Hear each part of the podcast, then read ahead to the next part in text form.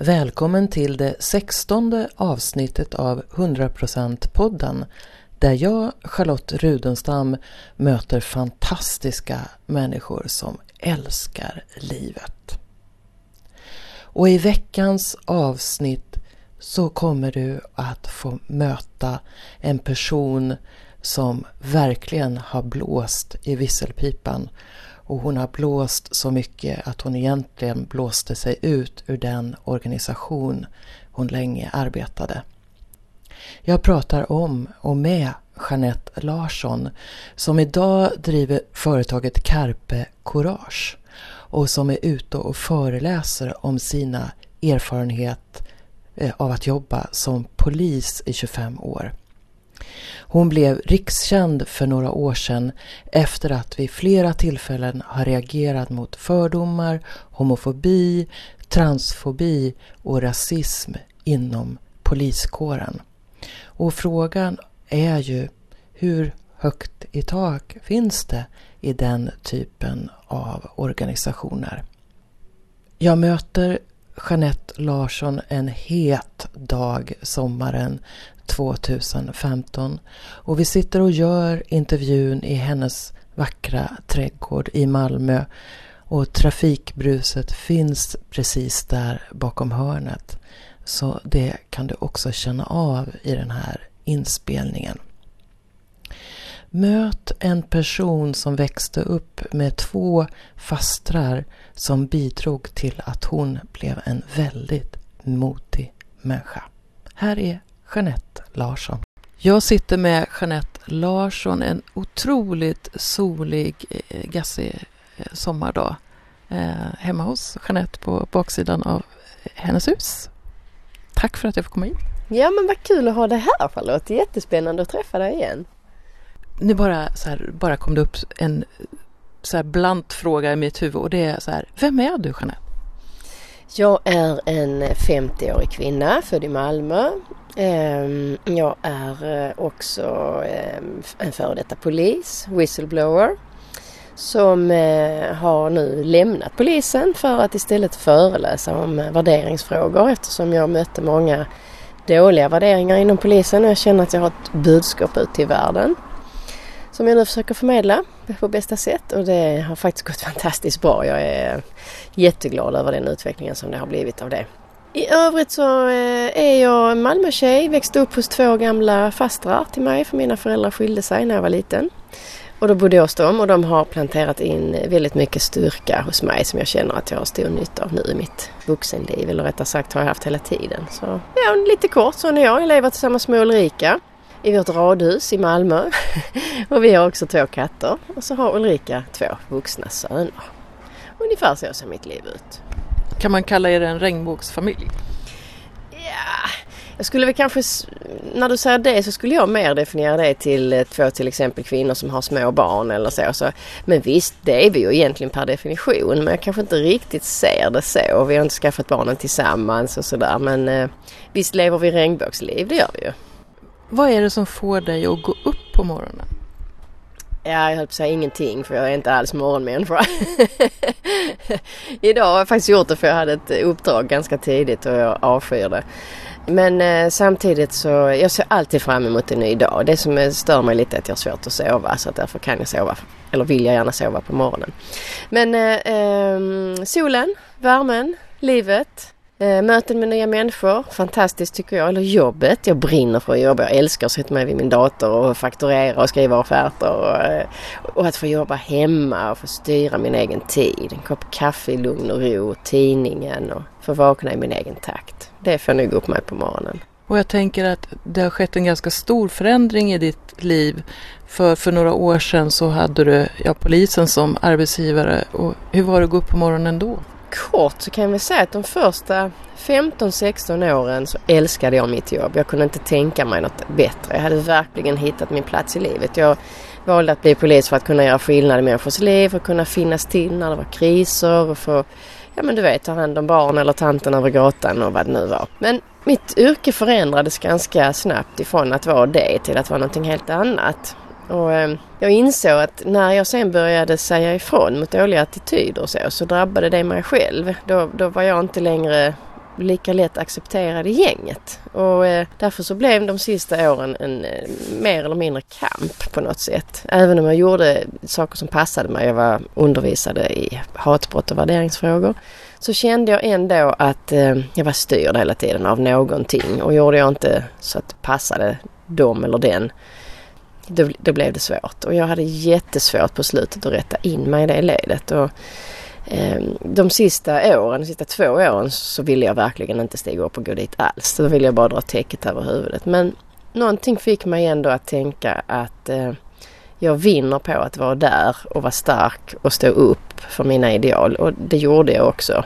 Så det är en enorm skillnad i mitt liv att ha lämnat polisen, den här maktstrukturen, den manliga världen med muskler till att nu få styra min tid helt själv och jag älskar mitt nya liv. Verkligen. Alltså när jag läser om dig på Facebook och så, så får du ta emot alla möjliga oväntade priser. Du var någonstans i någon Norrlandsstad och fick något Eh, vad var det för något? Ja, det var väldigt otippat. Jag fick kärlekspriset.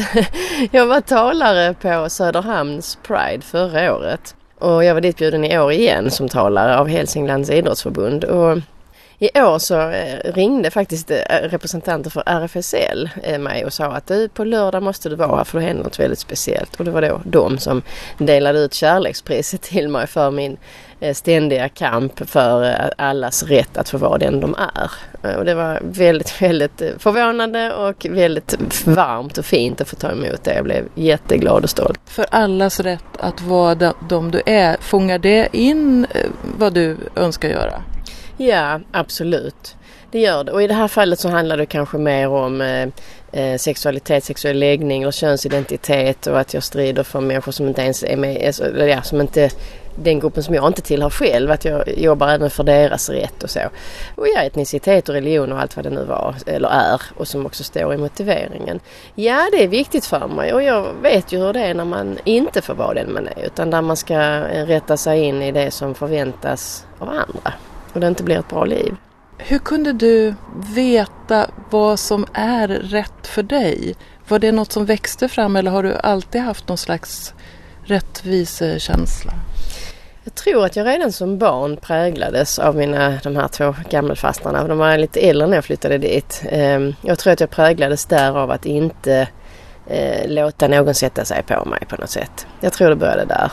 Ja, sen har jag i princip bara följt min inre kompass och, och, när jag då själv upptäckte att jag blev förälskad i kvinnor så hade jag ju bara två val. Ibland pratar man om val, att ja, du har valt och så är det inte det enda man kan välja där. Det är ju att antingen bejaka det som det känns och, och skaffa sig ett så bra liv man kan eller rätta in sig i det andra ledet och kanske gifta sig med en man och känna att man inte får vara den man är. Och för mig var ju det valet ganska enkelt. Men eh, det som jag tycker är svårast i det, det är ju när två val eller ideal eller vad man ska säga krockar med varandra. När till exempel jag jobbar för att en, eh, nu bara säger ett exempel där vi säger att en som har en judisk tro ska få utöva den fullt ut. Och så säger vi att i den tron kanske det ingår att där ska det vara man och kvinna.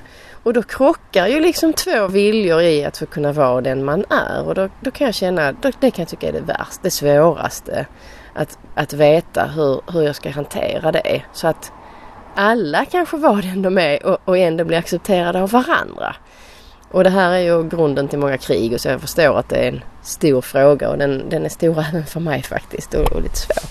Hur fungerar kompassen när det blir sådär lite mer komplicerat? Ja, jag har ju stött på det i min roll som polis för då hade jag ju alla kontakt med många minoritetsgrupper och då samlades vi i något som hette Dialogforum i Malmö stad där vi eh, försökte öppna upp för alla de här frågorna. Det var inte alltid som alla grupper var överens.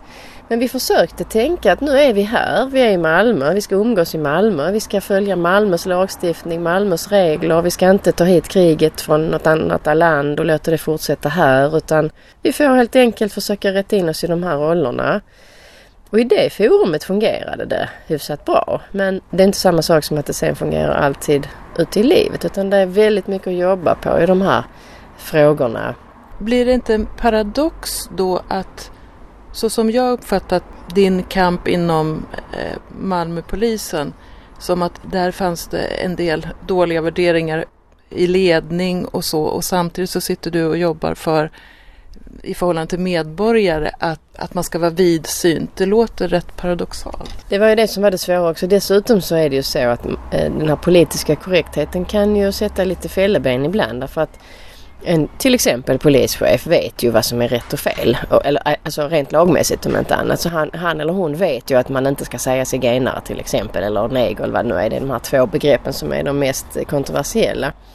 Men, eh, men sen är det ju så att eh, det, det är det de vet men sen har vi, har vi den, den, praktiken där det inte alltid stämmer. Och där man på något sätt känner sig, uppfattar jag det som att när man är polischef till exempel så, så har man egna regler som gör att innanför husets väggar så kan man vara på ett visst sätt. Och, och jag hade väldigt svårt att både förstå och leva efter det. Så att visst kan det bli lite konstigt i, i skallen när, när man som jag då tycker att jag har grundat det djupt in medan jag då möter människor som kanske dessutom har makt över mig som har eh, andra värderingar men där munnen säger någonting och handlingen någonting annat. Det har jag, det har jag väldigt svårt att, att hantera. Så visst kan det bli paradoxalt, absolut. Jag ser liksom en bild av ett, ett, ett slutet hus och inuti huset så säger man vad som passar en men sen så när man vänder blicken ut och så säger man det som man ska säga. Är det lite den känslan? Ja precis, precis och jag har otroligt svårt att hantera det. Och sen utifrån den personligheten jag har så vet jag att jag har svårt för auktoritära människor som jag inte tycker förtjänar sin auktoritet. Jag har full respekt för människor som har en god kompetens eller vad det nu kan vara. Då, har jag, då kan jag gå i, alltså då kan jag verkligen göra vad som helst för den här personen. Men när det är någon som går emot sina egna faktiskt och mina eh, ideal då jag, jag förstår inte det. Och när inte jag förstår någonting så blir det väldigt konstigt. Om vi säger att du är det där huset mm. och sen så ska du, eh, när du då konfererar med dig själv så, så sker det någon form av inre dialog eller monolog och sen så när du pratar med yttervärlden så säger du någonting. Hur samstämmig känner du att, att du är idag? Ja, men jag känner nog att jag är det faktiskt. Sen ska jag inte påstå att jag respekterar alla människor och låter dem vara som de är. För det gör jag inte. Vi har väldigt svårt att respektera och, och tillåta människor att vara till exempel öppet rasistiska eller homofoba eller vad det nu kan vara. Medan de till exempel då kan ta sig rätten och säga att ja, men jag får väl lov att tycka att det är äckligt eller vad det nu är. Och där har jag ju lite svårt. Och det kan ju vara religiösa saker som, eh, som är bakgrunden. Det kan vara politiska saker som är bakgrunden. Och där har jag väl svårt att, att kanske själv komma till eh, acceptans över det. Jag tänker på Voltaires uttryck att, eh, att han var beredd att dö för någons annan rätt att uttrycka sin åsikt även om man inte höll med om den. Och den har jag med i mina föreläsningar. Och jag kommer till den så tänker jag att eh, har jag kommit så långt? Och jag har inte riktigt svarat på den frågan. Är det inte det som är att vara mänsklig, att, att man inte är fullkomlig? Jo absolut och, och det är skönt också att inte ha alla svar. För att jag hoppas att eh, livet är betydligt längre än så här och att eh, med åren kommer komma lite fler svar och lite fler frågor. För det är väl det som är så spännande. Det som är livet jag tycker jag. Ser du det som att det finns någon mening med livet? Absolut, ja men det gör jag. Och, att det finns funktioner att fylla på något sätt. Och, och framförallt så ser jag ju att händelser och människor kommer in i livet av en anledning. Och, eh, ja, absolut. Jag kan väl lite tänka sig mig vad jag har för form av roll också. Och jag kan se mönster i varför blev det som det blev och vad var anledningen.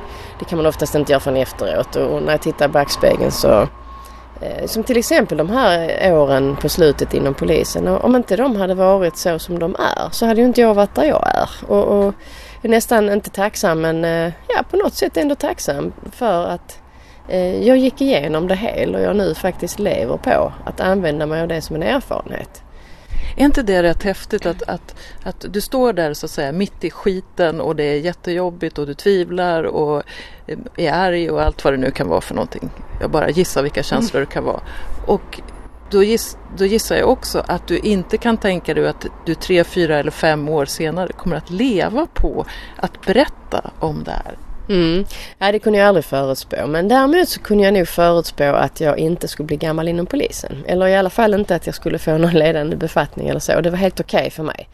Eh, det var någonting som jag förstod redan från allra första början när jag började reagera här. Och jag hade gjort exakt samma sak igen därför att idealen för mig där är viktigare faktiskt. Så att nej, jag kunde, inte nog, eh, jag kunde nog inte räkna ut att, att jag skulle leva på det. Det kunde jag inte. Och det känns ju fantastiskt att kunna göra det. Det här med att du tidigt visste att du blev förälskad i tjejer, var det någonting som, eh, som du kunde berätta om när du började studera till polis? Nej, absolut inte. Det tog ju mig, eh, vad tog det, åtta år nästan inom polisen innan det eh, kom fram då. Jag kommer inte ens ihåg hur det gick till när det väl var okej men jag vet bara att jag jobbade i en mindre polisgrupp där vi mer jobbade som en familj och att ja, när det kom fram där så var det liksom inga konstigheter. Men redan på polisskolan så förstod jag ju att det går inte att vara mig själv här. Utan där fick jag ju lite spela teater eller ja, låtsas som att jag var singel eller hur jag nu gjorde, jag minns inte. Men där kunde jag inte vara så. Det kände jag direkt på klimatet att det här är inte en skola där det är accepterat. Att känna in det där, hur, vem du måste vara, vad, hur är det? Att, att vara så, är det att vara på sin vakt eller hur, hur, hur, hur hanterar du det? Eh, det är att vara på sin vakt. Fundera på vilka ord använder jag. Säger jag sambo så kan det väl vara rätt okej okay, för det är ingen som vet vilket kön en sambo har. Säger jag partner, ah, blir lite skumt. Eh, så visst måste man hela tiden, eh, var jag tvungen att hela tiden vakta på hur jag uttryckte mig. Det det gör med människor, eller i alla fall, eller det tror jag, kan jag ju tänka mig att det gör med alla människor, i alla fall även med mig. Det, gör, det är att det ställer oss i en form av utanförskap. Där jag i alla fall inte känner att jag passar in i vissa sammanhang och det gjorde jag inte på polisskolan heller. Jag passade inte in eh, beroende på det här. I eh, övrigt passade jag in men när det gällde det så, så gick inte det.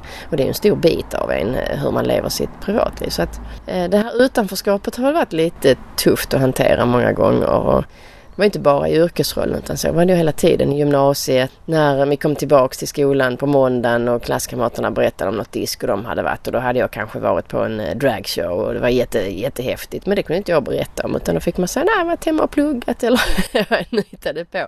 Och sen det är väl så här också tänker jag att människan i grunden har någon viss önskan av att, att tillhöra gruppen eller bli accepterad och vad det nu är. Och vad jag förstår där utifrån min erfarenhet så så är människor beredda att gå ganska långt för att nå den, det målet att bli en i gruppen och, och ehm, på gott och ont, mest på ont känner jag. Alltså att man, att man är beredd att utplåna eh, delar av sig själv för att få tillhöra? Ja, den eh, önskan upplever jag som att den är ganska stark hos människor. Den kanske försvinner mer och mer med åldern eller med mognaden eller med att man eh, eh, gör någon form av eh, lär, lär känna, självkänslan när den växer så, så är inte behovet lika stort. Men som ungdom, barn, så är jag övertygad om att den känslan är väldigt, väldigt stark. Och det är precis som du säger, man utplånar stora delar av sig själv för att få passa in. Och det är egentligen ganska hemskt. Ja, och jag tänker också att för, ju yngre man är desto större hot är det ju faktiskt att bli utesluten ur gruppen. Det kan ju ge känslan av att, av att dö helt enkelt. Absolut och det är ju det som är källan till mycket mobbning och all annan utsatthet som man får. Och det behöver inte handla om homosexualitet. Det räcker att man har en övervikt eller en undervikt eller en, vad det nu kan vara. Invandrarbakgrund eller ja. Jag var duktig i skolan, det räckte. Absolut, ja du ser. Ja men visst. Alltså det kan vara så många... Jag blir bedrövad när jag tänker på hur många barn det är här som är utsatta och ganska försvarslösa. Och eh, jag menar inte att barn är elakare än vuxna för tror jag inte för jag är övertygad om att barn föds goda men får sen itutat sig en massa värderingar som sen drabbar skolkamrater eller vad det nu kan vara. Eh, och den här tiden i just skola och så det måste ju vara jäkligt jobbigt om man dessutom då har ett utanförskap. Det som du gör nu när du är ute och föreläser, är det ett sätt att bidra till att, att människor vågar vara sig själva mer? Ja absolut, det är i princip det mina föreläsningar handlar om. Och att, eh, sen har jag kanske utvidgat det lite till eh, organisationer. Att en organisation också vinner på att ha dels en mångfald och dels människor som är sig själv fullt ut. Eh, en öppenhet i de här frågorna. Inte ha en massa familjehemligheter på jobbet utan att man känner varandra något sånär och kan åtminstone ha ett öppet klimat. Vinsterna i det för organisationer och även familjemässigt naturligtvis. Och I vissa fall så handlar det om att leva eller dö. Och det är, för mig är det jätteviktiga frågor. Hur hanterar du motstånd? Inte så bra. inte så bra. Eh, jag får många gånger höra att jag är en stor diplomat. Jag kan inte riktigt säga det själv. För att jag kan nog känna att jag eh, kan bli ganska aggressiv i för stort motstånd. Och som sagt, jag har svårt för auktoritära personer som jag inte tycker förtjänar det. Och det här har ju drabbat polischefer, jag erkänner det. Jag kan ha varit väldigt otrevlig för orättvisor. Det, orättvisor är nog det svåraste i livet som jag vet. Och det behöver inte vara gentemot mig. Jag har ända sedan första klass så var jag ute och då ställde jag mig eh, bakom eller framför mina svaga tjej, tjejklasskamrater mot de stora starka grabbarna och jag var beredd att slåss och jag gjorde det också. Så att jag är ingen som backar. Tvärtom. Alltså det känns ibland som att jag fick aldrig den där eh, egenskapen rädsla utan jag Alltså jag är konfrontativ då direkt och det, det är kanske inte så bra. Jag försöker verkligen att, att balansera mig lite mer. Men eh, jag är en fighter. Alltså det, mm. Kan du se var den där fighten kom ifrån? Jag tror mina fastrar. De här fastrarna som sa att låt ingen trampa på dig. Och, och jag, jag, tror det. Och, och så arbete med självkänsla år efter år. Och, och um, rättvisepatoset är väldigt starkt hos mig. Kanske därför jag valde att bli polis också. Jag vet inte. Jag har svårt för alltså människor som lider och, och orättvisor och utsatthet. Alltså det, är, oh, det är begrepp som kan få igång mig direkt. Alltså. Var du ett sånt där barn som läste tidningen och såg vad som hände i världen och reagerade på sånt? Nej, det skulle jag nog inte säga. Jag är mer här och nu och jordnära och, och ähm, gräver där jag står. Och, eh, ändrar i, i, i, det lilla. Eller ja, det vet jag inte om det är i det lilla, men i det nära i alla fall. Jag har inte varit sådär väldigt intresserad av eh, på nationellt plan eller så. Fast å andra sidan så har jag varit i Kapstaden och jobbat på ett fängelse där det värsta fängelset i, eller ett av de värsta fängelserna i världen, Polsmore Prison med ett försoningsprogram där, eh, ja, där internerna då får jobba med att försonas med sig själv och sin, sina brott och sina familjer och sina eh, off, brottsoffer. Berätta mer. Det låter spännande. ja, det är jättespännande. Det är ju en idé från Nelson Mandela med Restorative Justice. Och genom en präst i Malmö så fick jag, blev jag, vad ska vi säga, handplockad kanske till ehm, till att vara med och, plocka hit det här programmet som då en, en eh, kyrka hade börjat använda sig av på Portsmouth Prison. Så vi har ju tagit hit programmet, översatt det till svenska och använt det till eh, både missbrukare på behandlingshem och interner på fängelserna här i och kring Malmö. Och vi har även varit i Sydafrika flera gånger och utbildat oss i det och varit med om de mest eh, hårresande och fantastiska möten som jag någonsin har, eh, har sett mellan Låt oss säga en eh, pappa till exempel som inte har träffat sitt barn på många, många, många år, om någonsin. Och så när de möts och försonas, alltså det är, det, det är nog det finaste jag har kunnat se, det tror jag. Hur länge sedan är det här? Jag tror jag varit med i gruppen i 5-6 år någonting som vi har jobbat med det. Sen har ju programmet funnits i Sydafrika minst i 15 år. Och även på andra ställen men framförallt där och det är ett par där som jobbar med det. Så frun jobbar med kvinnoprogrammet och mannen med eh, männen. Är du fortfarande med och jobbar med det här? Ja det är jag. Det som problematiserar det eller det som gör det svårt är att vi har ju inga, vi gör det helt ideellt. Och vi har ju alla andra jobb. Vi har, det en är präst och en är drogterapeut och jag var polis och ja. Så att Eh, vi har ju fått be om pengar ifrån till exempel olika kyrkor. Lunds, Lunds missionssällskap till exempel har sponsrat oss i våra utbildningar och så. Men nu börjar faktiskt kriminalvården här i Sverige intressera sig för det och till hösten kommer vi att göra vår första vecka i Norrland mm, för eh, eh, interner där de är på något som heter Gruvberget som är någon slags, vad ska vi säga, halvvägshus eller så. Men vi har även plockat ut, eh, plockat ut låter konstigt, men det har vi interner från Tygelsjöanstalten som har tagit sig till oss där vi har då varit i en kyrka och de har kommit till oss varje dag eh, och hade all, haft all möjlighet i världen att bara sticka men de har kommit och sagt hej vad kul att vara här idag igen, vi har saknat er. Kan du tänka dig att det kommer en mördare och säger det till dig liksom? Då förstår man hur stort det här är. Det är någonting som, som händer med dem som de känner är bra. Är den andliga dimensionen i det här viktigt? Ja, det är den. Vi har fått tona ner det religiösa dock lite för att i Afrika är, det mycket, är religionen mycket större och det är mycket sång, religiösa sånger och eh, böner och så. Och vi insåg rätt snabbt att det skulle inte fungera. Vi trodde inte att det skulle fungera här utan då skulle nog våra interner här eh, backa och liksom bli rädda för religionen här. Så andligheten har vi kvar och även en del av religionen men det har inte lika stor tonvikt här som det har i Afrika. Utan här, eh, men vi använder det absolut. Här pratar vi mer om kärnvärdena, respekt, ärlighet och, och så. Men visst, andligheten är med oss, absolut. Är andligheten med i ditt liv också? Ja, det är den. Jag jobbar ju mycket. Jag jobbar till exempel i tolvstegsprogrammet och eh, absolut, det är den. Eh, och den har det inte varit från kanske de sista åren. Och speciellt eh, jag som väl de flesta människor i kris så söker man andligheten och det har jag också gjort. Och den är absolut den är med mig. Den, eh, I den här resan från polisen får jag väl säga så har den varit otroligt tydlig för att eh, jag har inte ens behövt tveka på vad jag ska göra utan det är precis som att stigen eller vägen har legat där. Och det har bara varit att vandra den. Och har jag någon gång stannat vid ett vägskäl så, så har jag inte behövt stå där så länge utan den var klar på något sätt. Och det varit så himla skönt. Som att du fick vägledning? Absolut. Absolut. Så de här stora tvivlen har på något sätt förminskats genom att ja, det var absolut någonting som var med mig hela vägen och det kan jag känna fortfarande.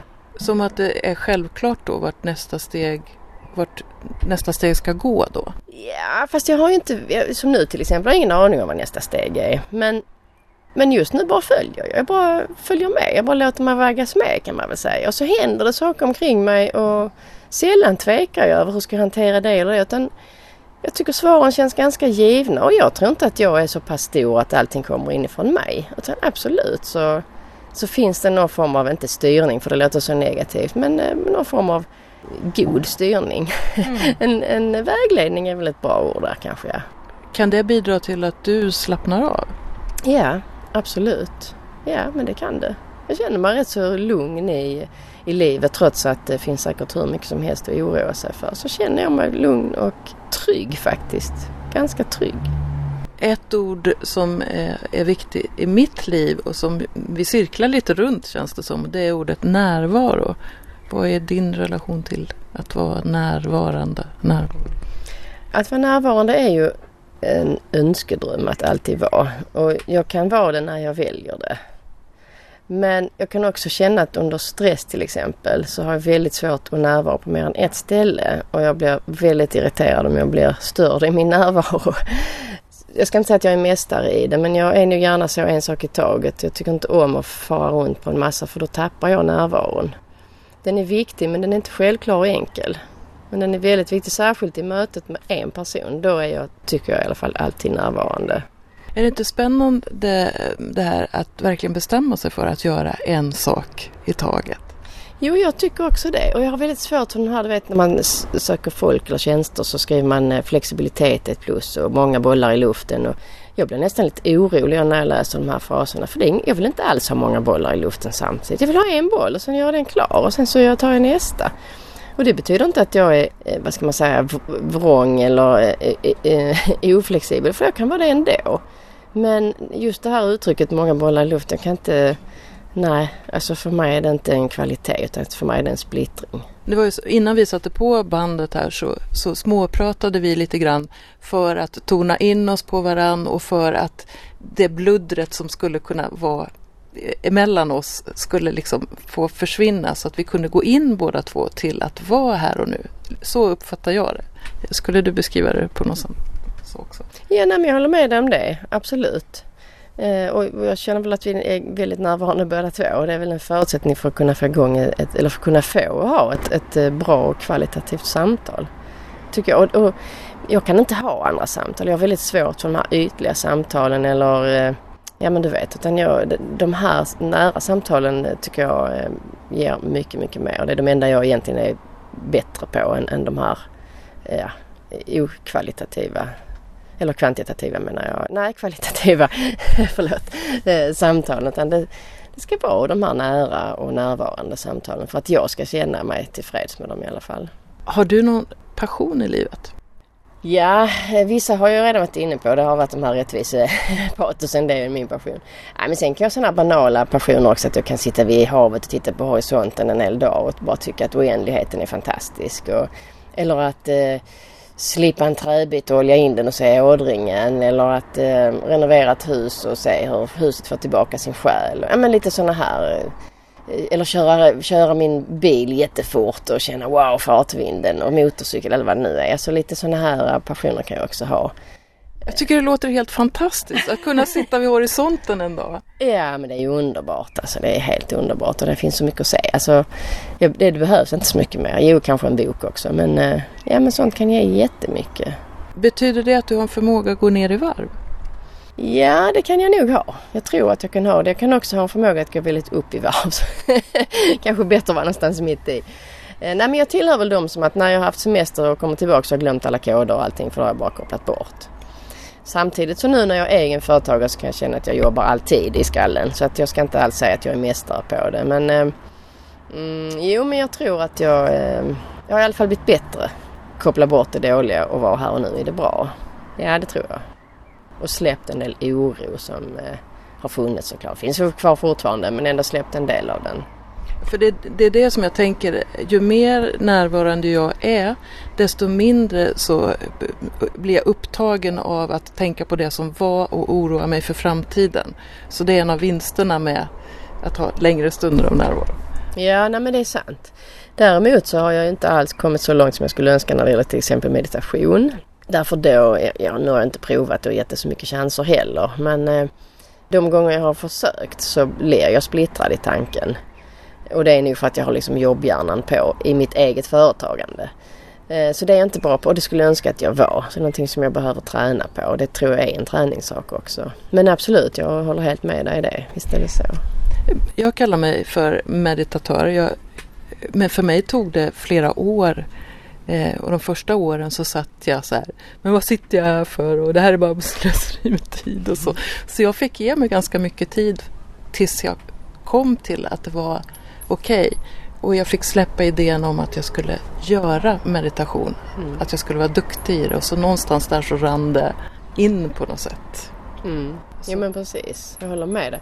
Och sen tänker jag också att det handlar också om vad är definitionen på meditation? Måste man sitta med benen i kors och händerna, eller händerna mot varandra och säga om? Liksom, är det det som är meditation? Eller är det att bara sitta vid horisonten? Är inte det meditation? För mig är det det. Alltså, när du beskrev de här sakerna som du gör med passionerat så skulle jag säga att alla de kan kvalificera som meditation även köra bil fort. ja men precis, visst är det så. Och då känns det också skönt för då är det ingenting man ska prestera. Utan det är bara någonting som är. Och jag är övertygad om att det händer saker i hjärnan som är bra. Även i den sortens meditation. Ja, alltså jag brukar tänka så här. Jag står och diskar. Och så, oh, jag måste bli klar snabbt och jag diskar och det, det tar tid så här. Men så kan jag byta fokus och så blir det så här. Jag är diskningen. Det går inte mycket långsammare men jag byter helt fokus och då blir det meditation. Mm. Så gå från görande till varande. Absolut. Jag håller helt med dig. Visst är det så. Det tycker jag också. Så du kanske kan meditera, bara att du inte vet? ja, ja, men absolut. Nej, jag har hängt upp mig på definitionen, det är ju det. För jag tycker också att jag gör det, fast på olika sätt. Och det är ju, det är ju fantastiskt skönt att kunna få, få göra det. Om vi tänker oss att eh, någon som, som lyssnar på vårt samtal här och som är väldigt rädd för att vara sig själv och som skulle behöva en liten knuff för att våga vara sig själv lite mer. Vad, vad, tänker du kan vara ett första steg för att ta lite mer plats? Mm, det här var en fråga jag fick igår efter min föreläsning. Jag får den ofta efter mina föreläsningar. Då kom det fram en tjej och så berättade hon en sak då som hon inte hade vågat säga på sin arbetsplats. Så sa hon, var har du fått ditt mod ifrån och var ska jag börja? Och det är jättesvårt att råda någon annan för att man ska heller inte forcera fram någonting. Men jag tror att de där små stegen är väldigt viktiga för att det bygger så mycket självrespekt. Och sen tror jag att när man väl har börjat, som i mitt fall var det så att när jag väl hade börjat och kände att jag var stolt över det jag hade gjort så växte min självrespekt och sen så fanns det ingen återvänd utan sen så blev det mycket lättare nästa gång och nästa gång och det gick inte att backa utan eh, det bara kom på något sätt. Och det behöver inte handla om mig själv. Och det sa jag till henne också att det behöver inte vara att du måste stå upp för dig utan stå upp för någon annan. Om du har någon som säger någonting som du tycker är fel. Tala om det, känn hur det känns, våga. Hon blev lite så, jag riktigt såg hur hon växte några centimeter fast hon inte ens hade gjort det än. Så var hon liksom okej. Okay. så, hon såg lite så behaglig ut när vi hade, vi stod och pratade en bra stund. Och det var jättefint att se. Och att det fanns en sån vilja och en önskan. För jag tror det måste börja där. Att man vill förändra. Man har någon önskan om att förändra någonting i världen och då, då kan man det. Absolut. Bara att man inte ställer så höga krav på sig själv direkt då? Precis, eller förväntar sig att man kommer att förändra världen direkt. För så, så fungerar det inte. Utan de här små stegen som kan faktiskt leda till stora förändringar åtminstone hos en själv. Det tror jag, det tror jag på. Det är så fint att få kunna, eh, få kunna se hur man kan plantera in någonting sånt i någon annan. Att, de har, att det finns en mottaglighet, att de lyssnar och verkligen vill och, och, och känner att jag kan dela med mig någonting. Och, ja, det känns fantastiskt. Den där typen av frågor, när du får dem, bidrar de till att du växer också? Så är det ju. Genom att lyfta andra så lyfter man också sig själv. Ja men absolut, så är det. Åh, så mysigt att få träffa dig här i solvärmen eh, på Per Albin Hanssons gata någonstans emellan. ja, tack detsamma Charlotte. Tack för att jag fick vara med. Fint. Ja, visst är hon en härlig och modig person, Jeanette Larsson, som vågar bidra till förändring, som tar ställning för de saker som hon tycker är riktigt viktiga och som kan fungera som en förebild för dig som är lite mer försiktig. Ta ett baby step mot mer mod så kan du ge ditt bidrag till världen på det sättet också. Du lyssnar på 100% podden där jag, Charlotte Rudenstam, möter fantastiska människor som Jeanette Larsson som älskar livet. Det här är mitt eget projekt. Jag gör allting. Från inspelningar till ljudredigering till marknadsföring. Jag vill gärna ha hjälp. Det finns en möjlighet att stödja mig till exempel genom att ge en donation. Det kan du ge genom min blogg lustoliv.blogspot.se. Då betalar du in valfritt belopp till Paypal. Och du kan också hjälpa till att sprida podden på olika sätt. Tipsa dina vänner och bekanta, sådana som du tror har nytta och glädje av att höra människor som Jeanette Larsson. Och du, hand om dig. Älska livet. Och inse att till exempel meditation kan ske på så många olika sätt. Som att sitta en dag och titta mot horisonten.